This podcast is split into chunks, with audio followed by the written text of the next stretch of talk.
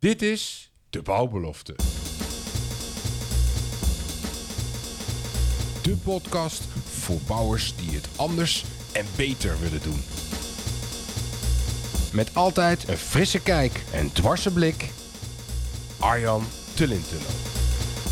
Anders en beter luisteraars, dat is waar we voor gaan met de bouwbelofte. Met vandaag opnieuw een mooie gast aan tafel. Welkom eh, Martijn uh, Broeze.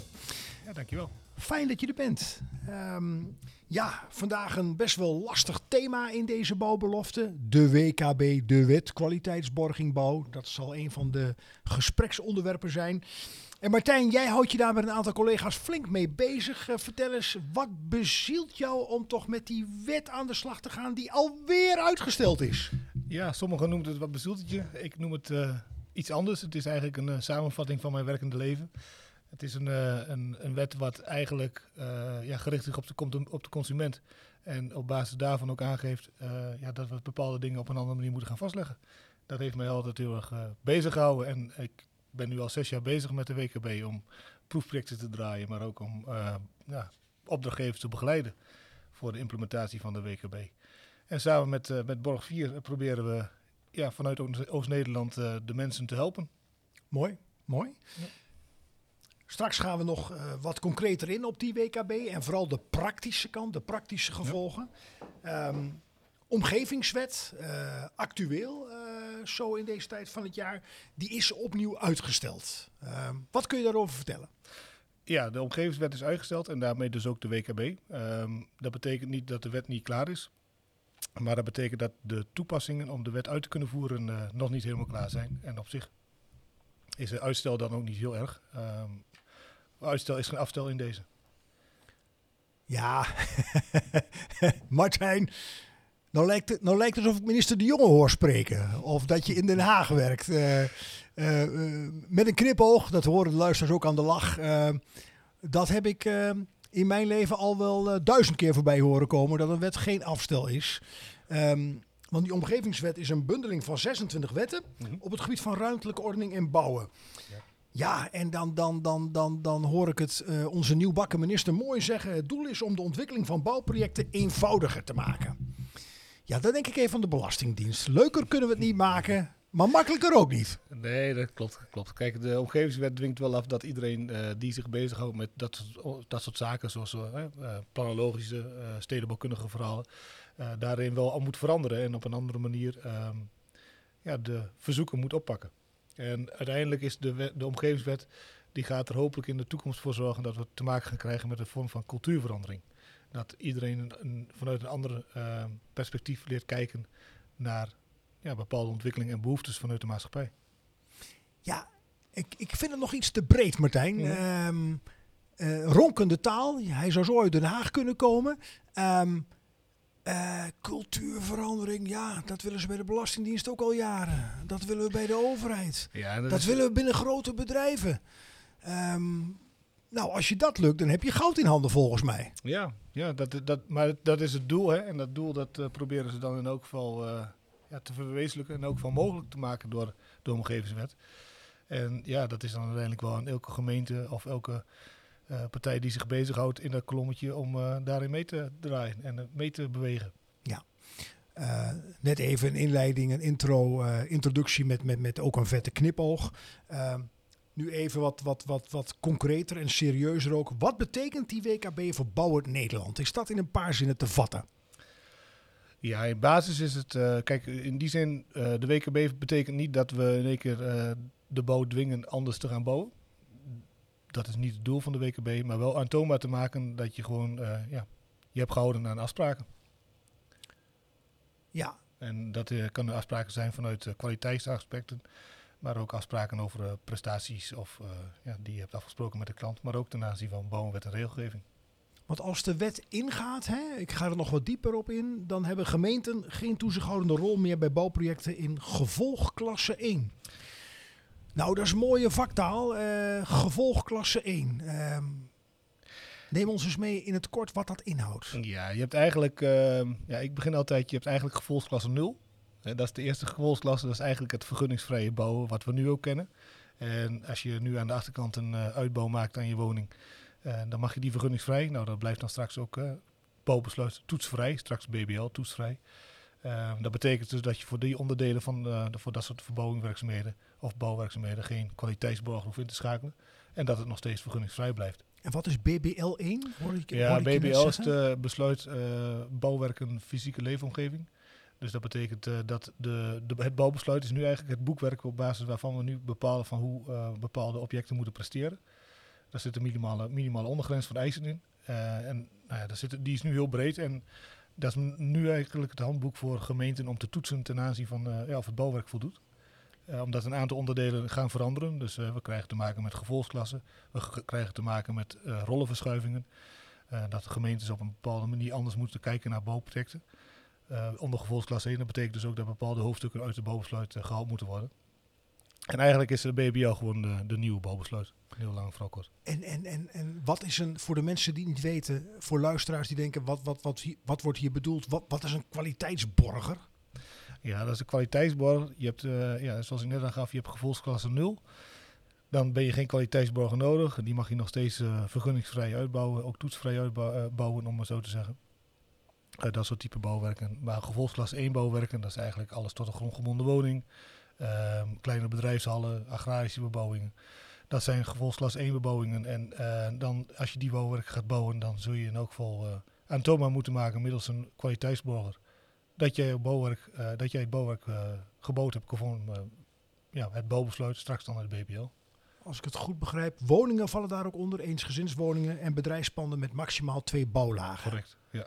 Ja, en als we dan even kijken naar de woningopgave, ook actueel, en dat zal die de komende tien jaar nog wel blijven. Hoeveel woningen moeten we idealiter bouwen? Ik geloof 100.000. 100.000, dat ja. meen ik ook. Dus dat betekent op uh, 100.000 woningen, uh, die moeten allemaal uh, geïnspecteerd worden door een uh, kwaliteitsborger. Ja, als onder gevolgsklas 1 vallen wel. Gelukkig hebben we ook, niet alle woningen vallen daaronder, om het zo te zeggen. Niet alle woningen vallen onder gevolgsklas 1. Je hebt ook woongebouwen, die tellen ook gewoon mee in die woningopgave. die vallen in beginsel nog niet onder, de, onder dat stelsel. Denk aan appartementencomplexen ja. bijvoorbeeld. Ja. ja. ja. En, en, en dan heb ik uh, in, in voorbereiding op deze bouwbelofte ook eens een goed artikel gelezen over uh, de ICT die erachter zit. Waar met name goedwillende uh, medewerkers binnen gemeenten mee moeten werken. -hmm. En ehm, daar, schijnen nogal wat, daar schijnt nogal wat vertraging in te zitten. Dat die systematiek niet werkt. Zit jij daar ook een beetje in? Dus kijken ja. naar de praktische haalbaarheid. Los van de ronkende taal vanuit Den Haag. Ja, het is natuurlijk een, uh, een hele uitdagende opdracht die uh, de ICT's uh, mee hebben gekregen. Um, de overheden die moeten straks werken met een nieuw, je hebt nu het omgevingsloket. Dus als je een vergunning aan wil vragen, doe je dat nu via het omgevingsloket.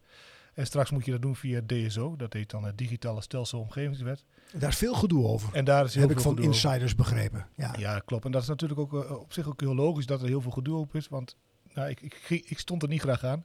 Het is een behoorlijk uh, complex uh, gebeuren. Je moet uiteindelijk wel voor 350 gemeenten hebben, volgens mij in Nederland, een systeem ontwikkelen die uh, A, hun eigen inhoudelijke kennis bedient. maar ook ja, voor heel Nederland, die moet een aanvraag kunnen doen op. Ja, hè, of ik nou even vanuit het oosten een aanvraag wil doen voor in het westen, dan moet via datzelfde loketje kunnen. En ik moet vanuit dat loketje wel de juiste informatie ophalen om die aanvraag te kunnen doen. En dat is wel redelijk complex. En stel nu, Martijn, ik zeg stel hè, dat jij uh, minister zou zijn voor wonen. En je weet dit, je wordt gevoed vanuit uh, de ambtenaren, dat dat systeem niet werkt. En, en, en we hebben het niet over dat je dan weggestuurd kunt worden als je een verkeerde uh, mededeling doet. Dus in de ideale wereld, dan begrijpt ook de luisteraar, begrijpt mij. Zou jij dan een termijn durven hangen aan waarbinnen dat DSO zou werken, waardoor je het ook handen en voeten kunt geven? Even los van de ingangsdatum van een officiële wet. Um, ik denk dat 1 januari een, uh, een goed moment zou zijn. Oké, okay. ja. Ja, ik ga niet vragen, mag ik je daaraan houden? Nee, het heeft ook geen enkele waarde. ja, ja, en denk jij, ik, ik probeer het te doorgronden, de luisteraars ook, een, een ICT-operatie van een dergelijke omvang, met de historie die we hebben binnen de overheid, zonder waardeoordeel, dat in januari, denk je echt dat in, in, in zeg maar tien maanden tijd dat hele DSO vlekkeloos gaat werken over 350 gemeenten? Ja, ik denk het wel. Als ik kijk waar ze nu al staan. En ik heb uh, voor een paar aantal maanden geleden ook een kijkje mogen nemen in de proefvariant vanuit uh, het DSO-stelsel. Ze zijn al heel ver. En, Mooi. En ze kunnen heel veel. En er is eigenlijk al heel veel. Hè. Het is, um, hè, zoals de omgevingswet, zoals je net terecht al aangaf. De wet um, voegt eigenlijk 26 verschillende wetten samen. Maar we hebben voor al die 26, de wet, 26 verschillende wetten hebben we al heel veel aan, uh, aan uh, informatie te vinden op het internet. Dus het is ook een samenvoeging van verschillende softwares, om maar zo te zeggen. Ja. En dat is op zich wel heel mooi. En ik, ik, ik geloof er wel in dat 1 januari echt wel haalbaar moet zijn. Mooi, dat is goed nieuws. Je, je had het eerder uh, in deze podcast over cultuuromslag. Ja. Ik kan me helemaal voorstellen, als je kijkt naar alle leden van Bouwend Nederland bijvoorbeeld. Je kijkt naar de grote spelers, zoals een Volker Wessels, een BAM, een Terstegen. Zo kun je er nog heel veel noemen. Uh, mooie bedrijven verspreid over het land. Die regelen dat allemaal wel. Mhm. Maar als ik kijk waar ik ook kom in het land. Uh, de lokale, regionale aannemers, 10, 30, 40, 50 ja. medewerkers. Ook zeer mooie bedrijven. Zijn die hier nou eigenlijk, als je eerlijk bent, echt mee bezig? Nou, echt mee bezig. Ik merk wel dat die partij nu echt wakker begint te worden. Ik ben nu zelf al zes jaar bezig met uh, de WKB. Hè, puur het WKB vooral, nog niet zozeer de omgevingswet vooral. Um, zes jaar geleden, je ziet de type opdrachtgevers zie je veranderen. Er waren, in het beginsel waren dat allemaal uh, ja, de echte grote landelijk opererende bedrijven. Um, die zich daarmee bezig hielden en die ook altijd aangaven, joh, wij zijn een logge tank. Uh, voordat wij, de, voordat wij de, de afslag hebben kunnen halen, moeten we heel veel insturen. En hoe kleiner de organisatie, hoe makkelijker zij de bocht kunnen uh, halen. En dat, je ziet nu wel dat de kleinere, uh, nou ja, klein is misschien niet het goede woord, maar de anders georganiseerde bouwers, um, zeg maar van 0 tot 100 man, uh, nu ook wel echt wakker begint te worden en daar vragen over begint te stellen. En het wel op zich af zien komen, want het is natuurlijk wel een hot item. En, en kun je iets zeggen, ehm, zie je een rode draad in die vragen die jou nu al bereiken? Van juist die groep Ja, bedrijven van ja. zeg maar tot 100 medewerkers. Ja, het is, het is ehm, ehm, de type ehm, organisatie is heel erg afhankelijk van hoe concreet moet je dingen voorstellen. De vragen worden steeds concreter. Waarbij het, als je een grote, groot, groot, groot, grote organisatie hebt, dan is het vaak wat abstracter. En dan zijn ze met name zoekende naar de waarom-vraag. En, en vanuit daar proberen ze dan een eigen invulling te geven. Eh, maar bij eh, ja, de andere, ja, de, de van 0 tot 100 a- eh, eh, bouwers, om maar zo te zeggen, die willen gewoon concreet weten, zeg maar wat ik moet doen. En ik pak het op. Ja, hands-on zoals Ja, ze dat noemen. Mouwen opstropen. precies. Niet lullen maar poetsen. We gaan het gewoon regelen. Ja, en het mooie is zeg maar, bij, bij dat soort partijen is dat wanneer je dat soort eh, dingen gewoon meedeelt en, en geeft, nou ja, ook wij geven gewoon eh, informatiesessies, maar we geven ze ook handvaten om dingen op te pakken. En als ze er eenmaal mee bezig zijn, dan zie je ook dat nou de werkvoorbereiders of projectleiders bij die bedrijven ook daar in één keer wel de verbeterslagen in zien. En ook zien van, hé, hey, dit werkt eigenlijk wel. Het is eigenlijk helemaal niet zo spannend. We moeten het gewoon wel even doen. We moeten het ons eigen maken. Maar als we het helemaal eigen hebben gemaakt, dan gaan we ook daadwerkelijk steeds meer focussen op kwaliteit. Omdat onze focus ligt niet zozeer op, kwali- niet zozeer op kwaliteit dat het allemaal beter moet. Maar onze focus ligt op het aantoonbaar maken van de kwaliteit. En doordat je vragen stelt om bepaalde zaken aantoonbaar te maken, worden ze vanzelf bewust van, hé, hey, zo heb ik er eigenlijk nog nooit naar gekeken. Het, het, het is een mooi bruggetje, Martijn. Ik wil proberen de doelen van die hele WKB eens af te pellen. Eh verbeter de borging van de bouwkwaliteit. Daar komt Ja. het op neer. Dus je zegt eigenlijk, dat hoorde ik je net zeggen, als ik het verkeerd vertaal, dan reageer. Die kwaliteit is er wel, alleen maak die nu eens aantoonbaar. Juist. En door het aantoonbaar te maken, ga je de kwaliteit verhogen. Onbewust. Omdat iedereen bewust bezig is met een stukje kwaliteit. Omdat ze bewust het onderdeeltje moeten vastleggen. Krijg je dan geen, ehm, vanuit de echte praktijk denkend, eh, doe eens een gooi op een appartementencomplex van 40 appartementen. Daar kom je misschien wel, stel dat jij uitvoerder bent of projectleider, 50 onderaannemers tegen? Ja. Wordt het dan geen, ehm, ja, er schiet me even geen ander woord te binnen, een afrekencultuur? Nou dat ja, er juist hebben- meer naar de contracten gekeken wordt, dat bedoel ik eigenlijk. Terwijl, ehm, binnen de bouwclub zijn we er ook mee bezig, je juist naar mindere contracten wil. Ja, ja, nee, precies. Kijk, die cultuurverandering die zie ik ook wel in de bouw gaande. Eh, het woord eh, eh, team, bouwteam, al dat soort te- termen, dat komt steeds gelukkig steeds vaker voorbij. Waarbij we wat minder de nadruk leggen op de contracten, maar meer op de focus op het einddoel van ja, wat moeten we nou met elkaar doen? En wie kan nou wat? En natuurlijk, ik, ik ga ervan uit dat wanneer je een groot wooncomplex bouwt en je hebt 50 onderaannemers, dat elke onderaannemer uiteindelijk wel ehm, betrokken raakt bij de WKB. Oftewel, dat er wel wat van hun wordt verwacht. En persoonlijk vind ik dat helemaal niet erg, want het hoort ook. Je moet het ook uiteindelijk met elkaar doen. Je moet het niet alleen samen bouwen, hè, want je bent elkaar nodig om het überhaupt te bouwen. Maar je moet het ook gewoon samen vastleggen. Ja, dus en dat gaat dan leiden naar die verbeterde, dat leidt dan tot die verbeterde borging van die bouwkwaliteit. Ander doel, ehm, een verbeterde positie van de consument. Ja. Dat is een interessante, want, want we, ons land kenmerkt zich door een woud aan, aan honderden, misschien overdrijf ik iets, misschien wel duizenden klachtencommissies, geschillencommissies. Mhm. Ik heb me nooit verdiept in het aantal klachten- en geschillencommissies over de bouw, in de bouw, maar er zullen er ook meer dan twintig zijn. Ja. Ehm, ja, wat, wat, wat, wat, wat, wat. Stel, ik ga bouwen. En ik krijg eh, jou als kwaliteitsborger. Wat, wat brengt mij dat? Want ik hoor dat het, ehm, de bouwsom, eh zeggen ze een woning van een eh 4 ton. Waar je anno nu nog eh, niet zoveel mee doet. eh, eh, eh, eh, eh, als je kijkt naar grootte en kavelgrootte. Maar dat alleen maar verhogend is voor mij als consument. Ik ben de opdrachtgever in het hele bouwproces. Kijk, als we elkaar kijken naar kosten, dan verwacht ik in beginsel wel dat er een lichte prijsverhoging in zal zitten. Nou, dan zal het niet zo heel spannend zijn op een woning van 4 ton. Ik denk Waar dat- moet ik aan denken? Nou, ik denk in de, in de toekomst zou, ja, zouden de kosten voor de kwaliteitsborg... Het is heel erg afhankelijk van hoe die bouwer zelf georganiseerd is en wat hij zelf kan doen. Eh, wil je dat de, de kwaliteitsborger alles zelf gaat doen, ja, dan, eh, dan, wordt het, eh, dan worden die directe kosten van de kwaliteitsborger veel hoger. En als je dan over een vrijstaande woning hebt, zit je eh, misschien rond de 5.500 euro. Maar kun je als bouwer zelf heel veel dingen vastleggen en eh, je hebt goede afspraken met je kwaliteitsborg en je hebt goede ervaringen en je hebt een intern kwaliteitssysteem die daar eh, aan bijdraagt, ja, dan, eh, dan gaan die kosten aanzienlijk naar beneden. En denk jij dat, ehm, als ik te kritisch ben, dan zeg het gerust, hè? Ehm, zeg eens even 5 mil of 3 mil. Als die aannemer al, al, al, al, al wat, wat, wat heeft die, heeft die consument het daarvoor over? Ziet hij daar die meer? Laat ik het anders zeggen. Stel dat ik die 3000 euro betaal, ik ben opdrachtgever. Mhm. Krijg ik dan gewoon zwart op wit dat mijn woning beter is? Wat krijg ik ervoor terug? Kijk, in die zin, je krijgt er in principe niet zoveel terug, want het is gewoon een wetswijziging. En daar hebben we ons gewoon allemaal te houden. Dus ja, je vraagt een vergunning aan en een voorwaarde van die vergunning is dat je het onder kwaliteitsborging bouwt.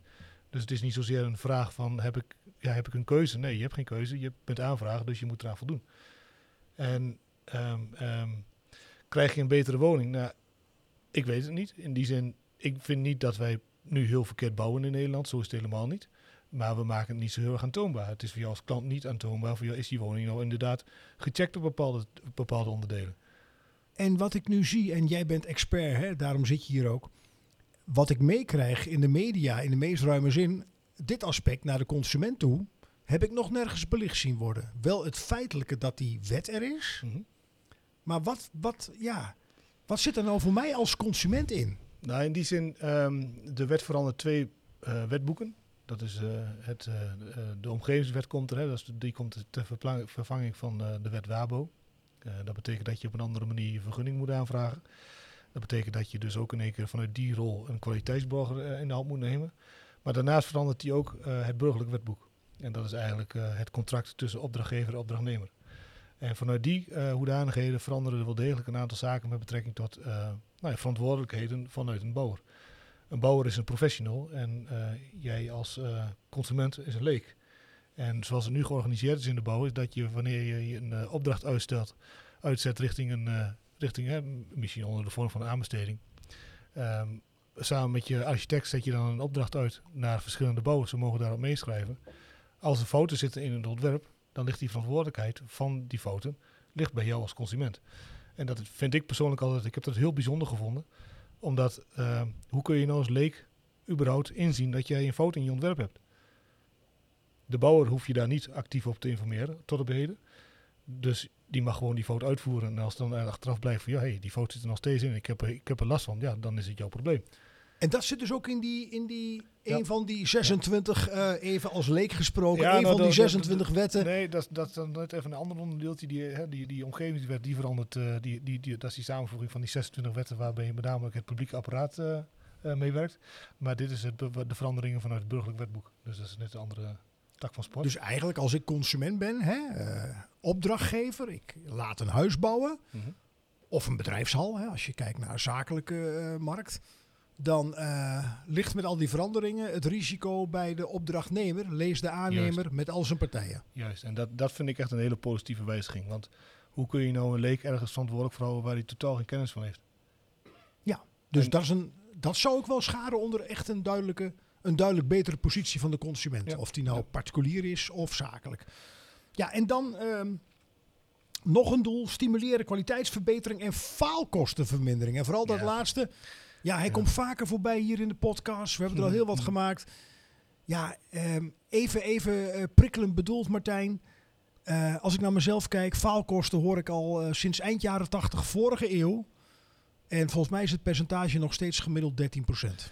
Ja, nee, klopt. En, en ik ben er wel van overtuigd, wanneer je je eigen proces beter inzichtelijk krijgt, doordat je dus kwaliteitsborging moet toepassen, je moet in één keer wat meer gaan vastleggen. Dus je gaat je, je, gaat je eigen kwaliteit, maar ook je proces beter in beeld krijgen. Ehm, doordat je daar meer grip op krijgt, kun je dat middel gebruiken om eventueel eh verbeter toeslagen te doen. En in de praktijk merk ik dat ook. Puur simpel, bijvoorbeeld een klein voorbeeldje.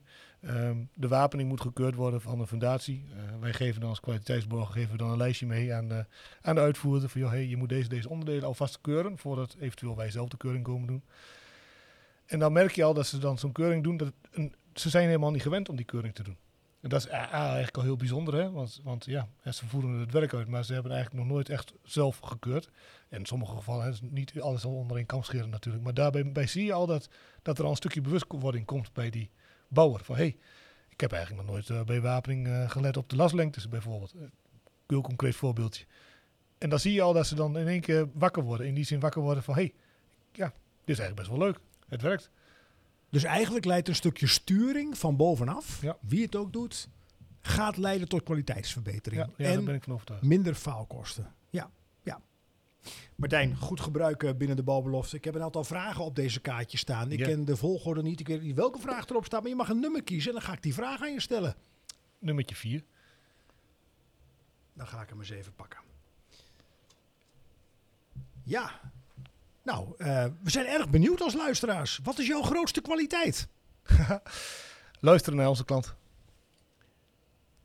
Ja, Martijn. Dat hoor ik. Iedereen die een beetje in advisering en Ja. verkoop zit, Nee, hoor ik dat zeggen. Nee, Eh, Geen branche uitgezonden, dus daar kom je niet mee weg. Verklaar Nee. je eens wat nader. Nou, zal- naar ik- jullie ik klanten. Ik zal, ik zal- ja, nee, ik zal het even kijken hoe wij dat proberen toe te passen in de praktijk. Ehm, en we blijven gewoon mensen, hè, dus eh, we proberen net en niet altijd, eh, het, het lukt over het algemeen wel, maar luisteren naar onze klant betekent echt, we hebben gelukkig in de bouw zoveel verschillende diversiteiten aan klanten. Eh, qua bouwers, maar ook qua, qua onderaannemers, qua toeleveranciers. En ehm, als je goed luistert naar elkaar, dan ben ik, ervan, ben ik ervan overtuigd dat we kwaliteitsborging kunnen maken, kunnen toepassen in de vorm van een dienstverlening in plaats van iets wat moet.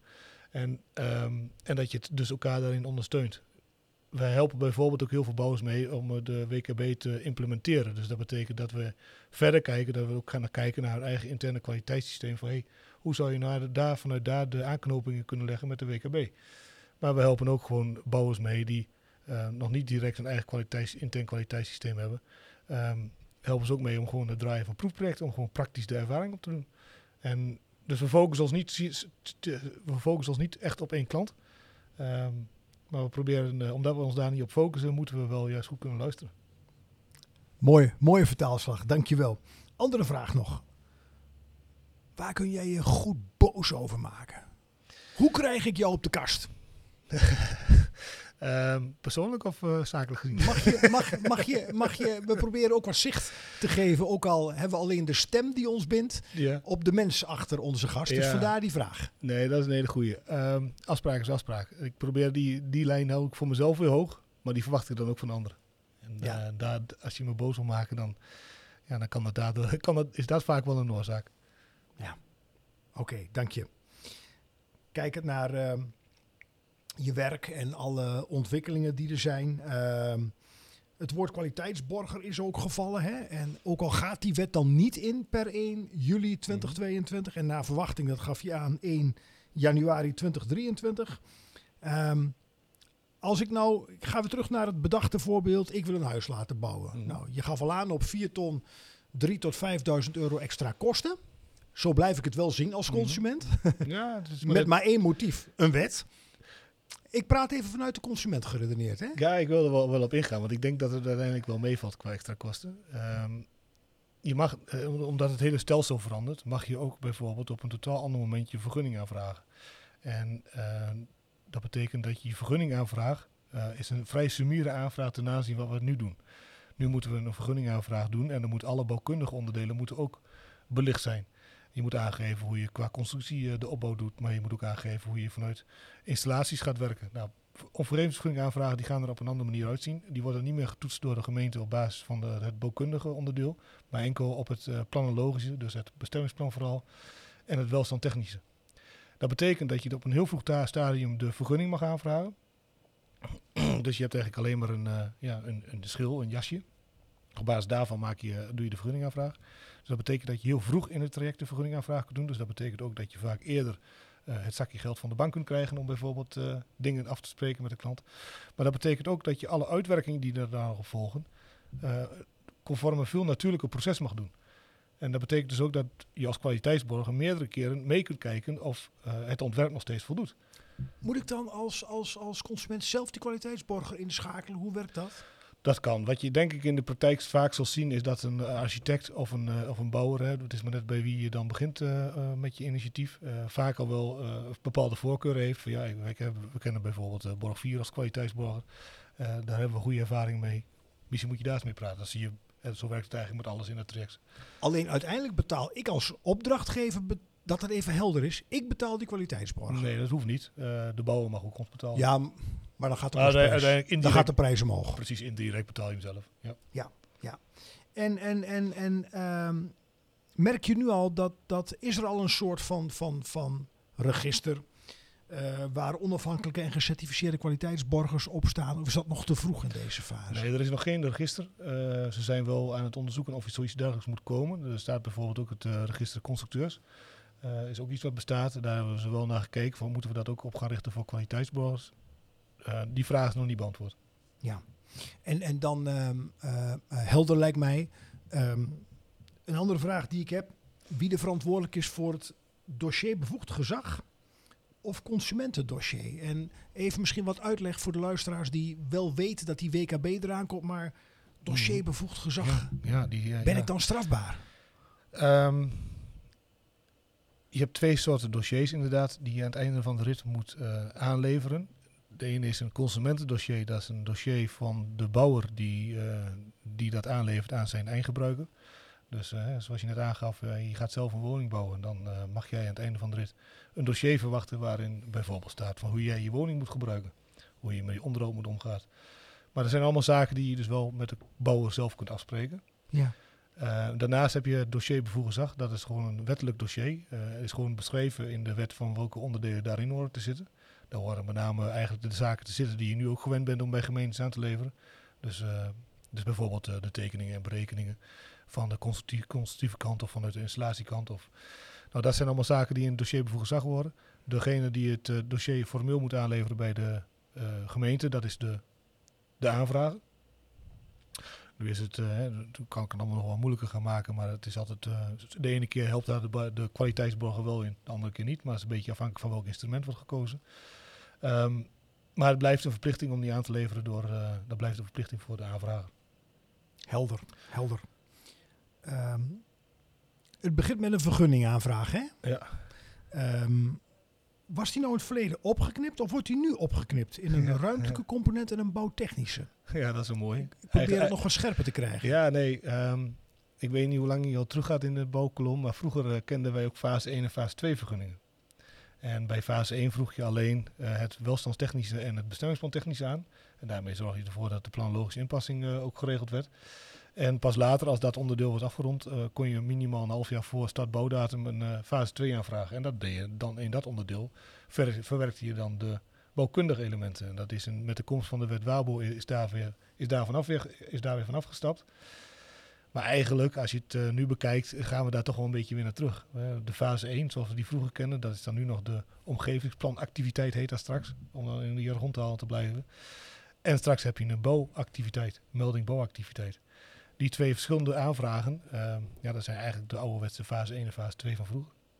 Dus in die zin niet zoveel veranderd. Nee, ik, als ik met, eh, met heel veel met architecten spreek die al een tijdje meelopen, die eh, zien dit wel echt als een uitkomst in die zin dat ze, eh, doordat ze eh, maar één keer hoeven te ontwerpen en niet eh, eh, afwachten op de vergunning, weer bepaalde dingen terug moeten op ontwerpen, om het zo te zeggen, ehm, zien ze er echt wel voordelen bij en zien ze het ook niet gelijk direct als een probleem. Als ik even... ehm dankjewel Martijn. Er komt nou zo bij me op, die WKB, of ongeacht hoe de wet ook heet. Het komt over als, hey sector, branche, jullie hebben jaren de tijd gekregen om zelf orde op zaken te stellen. Mhm. Om dingen te regelen. Dat is niet gelukt. Nou is het klaar. We gaan een wet eh, bedenken en nou moet je eraan voldoen. Ja, in die zin, ehm, het is eigenlijk wel bijzonder te noemen. Ehm, vanuit de woningwet hebben we eigenlijk eh, eh, het toetsende, al, al dat soort onderdelen, is eigenlijk al geregeld. Maar nu gaan we er nog eens een keer een extra wetje erbij verzinnen om daarop te kunnen gaan handhaven. Dus als je teruggaat naar de basis, het is eigenlijk al geregeld. Maar ja, nu moet het wat concreter worden, eh, hoe het geregeld moet gaan worden. En, En, en waar komt dat vandaan? Als je zegt, die wet die was er al mhm. en nu hebben we het te handhaven. Ik bedoel, Ja. waar is dat door gevoed? tweeledig, denk ik. Ehm, even kijken, sinds eh, vroeger toen we begonnen met het bouwbesluit, eh, en het was ook voor mijn werkende tijd bij, in dat domein, waren de gemeenten verplicht om het volledig te toetsen. En dat is geloof ik in 2001 of zo is dat eraf gehaald, dat het ook op basis van aannemelijkheid mocht. Nou, toen zijn dus gemeentes dat op hun eigen manier gaan invullen. En ehm, hebben we dus eigenlijk uiteindelijk 350 verschillende gemeentes. Dus mogelijk 350 verschillende, 350 verschillende manieren waarop je bouwplan wordt getoetst. Nou, dat is op zich niet wenselijk, want we hebben wel gewoon één landelijk niveau afgesproken. Dat heet het bouwbesluit. Straks dan de BBL. Ehm, nou, vanuit daar gezien, hè, als dan de gemeenten allemaal op een eigen wijze mee omgaan en, en daar met name focussen vaak op bepaalde onderdelen die voor hun heel belangrijk zijn, ja, dan doe je eigenlijk een beetje tekort aan het stelsel. Want ehm, ja, zoals elke aanvrager die hè, professioneel aanvragen doet, die weet op een gegeven moment hoe een bepaalde instantie daarmee omgaat. En waar die wel scherp op moet zijn en waar niet. Nou, dat vind ik al redelijk bijzonder. Dus da- daarvoor komt die wet dan ook aanvullend om dat onderdeeltje weer eh, meer aan de kaak te stellen. Dus een kwaliteitsborg, die heeft geen beleid. Die heeft geen, eh, het enige beleid wat hij moet voeren is het eh, bouwbesluit en straks de BBL. En daaraan moet hij toetsen. En die mag er verder geen, eh, geen afwijkingen in doen wat hij dan wel of niet doet. Hoor ik het dan goed, Martijn, ter verduidelijking? Gemeenten gaven allemaal vanuit dat woord aannemelijkheid een eigen invulling. Ja, En in de Bouwbelofte podcast mogen we wat dingen uitvergroten om het te duiden. En, en Den Haag heeft op een gegeven moment gezegd, jongens, ja, dit is een lappendeken aan interpretaties. Ja. Eh, we gaan er wat aan doen. En daarbij is natuurlijk het verhaal dat uiteindelijk eh, eh, de WKB, de, de gedachte van de WKB begon met de consumentenbescherming. Er waren wat vervelende ervaringen met, met, met, met, met verbouwingen waarbij de consument toch onvoldoende beschermd was. Waarbij ehm, ja, de consument uiteindelijk de dupe bleek te zijn. En eh, op basis daarvan hebben we gezegd, joh, we moeten die consument beter gaan beschermen. Dan gaan we dan door met name de wijzigingen vanuit het burgerlijk wetboek realiseren. Ja, en als we die wijzigingen op basis, ja, als we vanuit die kant al meer dingen inzichtelijk gaan maken, ja, dan is het logisch om dan ook de kant van de gemeente daarbij in mee te nemen. Begrijpelijk. Ja. Ja. Even terug weer naar jezelf, eh, Martijn. Als mens, ehm, je bent deze wereld ingerold eh, in je werkzame leven. Daar had je het al even kort over.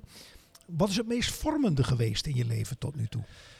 Ik, heb, eh, ik ben begonnen als timmerman en eh, gewoon als 16-jarige jongen. En ehm, ja, vandaar ben ik eh, ja, veel avondstudies gaan doen. Ben ik met name ook, ik heb toen de BNA VTS-opleiding gedaan. Dat was voor op, directievoerder opzichter. En er zat ook een onderdeeltje in met betrekking tot wet en regelgeving. En die vond ik wel heel interessant. Ik dacht van, goh, hoe zit het eigenlijk allemaal? En waar, waar liggen de richter en de plichten nou? Of je nou vanuit het UAV-contract keek of vanuit ja, woningwet of vanuit ja, vergunningen. Dat vond ik wel heel interessant. En dat was eigenlijk een onderdeel, ja, toen kwam de crisis. Dus toen dacht ik van ja, laat ik dan eens een keer aan de andere, kant van de tafel gaan zitten. Doordat ik dan eh, meerdere jaren voor bouwbedrijf had gewerkt, ben ik dan de overstap gemaakt naar de gemeente. En daar gekeken van ja, hoe, hoe passen jullie dat toe? Eh, hoe gaat het vergunningsproces? Hoe zit het in elkaar? Eh, hoe zit de bouwwoontoezicht in elkaar? Nou ja, daar meerdere jaren ervaringen mogen opdoen. En ja, toen kwam de WKB bij o- op mijn pad. En toen dacht ik eigenlijk van ja, dat is een samenvoeging van, van mijn werkende leven. Alles wat ik interessant heb gevonden met betrekking tot goed en deugdelijk werk. En de wet en regelgeving, dat val- valt eigenlijk een beetje samen in deze wet. Ja, toen heb ik dus heel bewust eh, zes jaar geleden de keuze gemaakt van hier ga ik me op richten. En dan zie je de komende jaren echt nog wel goede dingen in doen. Ja, ja, en uiteindelijk, ehm, ik ben ervan overtuigd dat als we tien jaar verder zijn, we kijken er nu misschien al, voor sommigen kijken er als een berg tegenop. Ehm, ja, keep it simpel, hou het simpel. Het is niet heel, heel spannend. En ik ben ervan overtuigd dat over tien jaar, dan doen we het weer op een andere manier dan waar we nu misschien beginnen. Die hou ik nog eens even vast, want ik wil nog één vraag Ja. uit het rijtje vragen eh, aan je voorleggen. Je mag weer een eh, cijfer kiezen. Oké, nummertje 7. Nummertje 7. Ja. Welke eh, recente ervaring of gebeurtenis, hij sluit een klein beetje aan op de vorige vraag, ehm, is je bijgebleven waar je zegt, hé, hey, daar zou ik in mijn werk nog wat mee willen doen? Doordat je bijvoorbeeld een artikel gelezen hebt in een krant of iets gehoord hebt in de media. Ehm, je mag hem ook iets anders in het licht van wat je net met ons gedeeld hebt, eh, Martijn, eh, plaatsen in het rijtje van hey, ehm, eh, vanuit jou, jouw vak gezien, jouw, jouw profes- professional zijn. ehm, stel, we, zijn, we zitten over een jaar weer aan tafel. Waar staan we dan? Ja, En even niet denkend in beperkingen en wet en regelgeving, want dat gewoon. Wat is dan jouw droom? Je mag hem. Ik wil hem eigenlijk zo stellen. Ja ik, zou, jouw ik zou hem dan wel even iets verder willen stekken dan over een jaar. Ja. Eh, want over een jaar hebben we, beginnen we net aan de, aan de, ja, de echte uitvoering geven, het uitvoering geven aan de wet. Maar ik zou over vijf jaar zou ik, eh, ehm, ja, de, zou ik graag willen zeg maar, dat uiteindelijk de, met name degenen die de- in de uitvoering zitten het bijna volledig zelf kunnen oppakken. Zo eh, opgeleid zijn, eh, zo ehm, gewend zijn met het omgaan van deze wet, dat, eh, een, kwa- dat kwaliteitsborging eigenlijk overbo- overbodig wordt. Oké, dat is nog eens ja, een, een hele mooie wens. Maar dat mag ook, hè? Hij is Ja, toekomstgericht. dus- ja, ja, ja, ja, ja. En, en, en daarop door, associërend, eh, Martijn, ook richting het einde van deze eh, podcast. Zo snel gaat de tijd. Want ook over dit thema kunnen we met gemak nog een uur Oh ja, eh, eh, oh ja. vullen. Ehm, hoor ik je dan ook zeggen, Martijn, ehm eh, kijkend naar onderwijs. Ehm, kloof onderwijs-arbeidsmarkt. Ook Mhm. in de technische beroepen. Ook in de maakindustrie, maar ook in de bouw. Zie jij ook door jouw bril bekeken dat, dat onderwijs, noem maar, maar het bouwonderwijs in de meest brede zin, is die nu ook al hiermee bezig? Want dit, dit vraagt echt wat van de vorming van de toekomstige timmerlieden, loodgieters, elektriciens, wat je ook maar doet. Nou, ik heb wel wat gesprekken met, eh, met opleiders daarover. En eh, het, het, ja, die gesprekken zijn wel eventjes weer aan hold gezet. Ook eh, omdat ja, de wet werd uitgesteld. Dus we doen er nog even niet wat mee. Eh, maar ze zijn er wel... me- we meen zijn, dit serieus? ja, dat meen ik serieus. En, en, dat is toch zeer kwalijk. Ja, noem het kwalijk, noem het realistisch. Ik weet niet wat, wat er eventueel... hè, ze hebben daar een eigen afweging in te maken. En ehm, ik denk wel dat daar een hele grote opgave ligt... om uiteindelijk iedereen wel te informeren hierover. Ja. Ik reageerde vanuit mijn onderbuik Ja. eh, met kwalijk. Ehm, kijk, je weet zelf, eh, eh, je bent nu 18, je, je leert een geweldig mooi vak. Je wil in die bouw we- wil je aan de slag. Ja. Dan moet je toch nu gevormd worden dat met toenemende digitalisering, daar hebben we een keer een aparte podcast aan gewijd, toenemende digitalisering, ook in de bouw, dat die nieuwe generatie gave jongens, en ik hoop ook meer meiden in de toekomst, Ja, ja zeker. dat Ja. die eh, dit omarmen. Dan kun je toch niet zeggen van de wet is uitgesteld, dus we doen er even niks aan. Nee, nee. Als je zo bekijkt niet. Ehm, Maar zo moeten we het toch bekijken. ja, nee, maar gelukkig, ik, ik, nou ja, zoals ik het bekijk, de WKB is straks nog een, eh, is straks een klein onderdeeltje van het hele bouwklomwezen. En eh, de opleidingen die nu gegeven worden, die zijn veel breder. En de WKB is daar een onderdeeltje van. Dus ja, als je straks eh, met het nieuwe leerseizoen begint en we beginnen vanaf september iedereen daar goed op voor te bereiden, dan denk ik dat we het ook wel komen. Nou, dat vind ik wel een mooie afhechting, afronding van deze eh eh, Bouwbelofte podcast. Is er nog een laatste dingetje, Martijn? Dat is een, een, een mooie slotvraag. Wat je mee wil geven aan onze luisteraars? Ja, begin wel vroeg, maar, maar, maar als je nog geen ervaring hebt opgedaan, eh, begin er dan nu wel mee. En je kunt vanuit, nu kun je nog oefenen. Straks als het wet is, moet je. En dan is de oefenperiode voorbij. Dus eh, wil je toch nog wat ervaring opdoen, wil je nog een beetje pionieren, begin dan nu. Dus het uitstel moeten we eigenlijk omarmen, want we krijgen wat meer oefentijd. Ja, nee, maar dat is het ook. Kijk, er zijn heel veel potjes ook mogelijk om, om, om qua kosten ook allemaal nog wat beheersbaar te houden. Dus eh, nee, dat, ja, probeer het nu. Laat ik het zo maar zeggen. Dankjewel. Nou, beste luisteraars, Graag gedaan. We zijn aan het einde gekomen van deze Bouwbelofte podcast. Ook deze Bouwbelofte is weer live opgenomen. En mijn gast aan tafel was Martijn Broeze. Eh, dankjewel voor je komst En ehm, ja, heel veel succes met alle uitdagingen die je samen met Borg 4 eh, de komende maanden nog gaat krijgen. Luisteraars, tot de volgende bouwbelofte.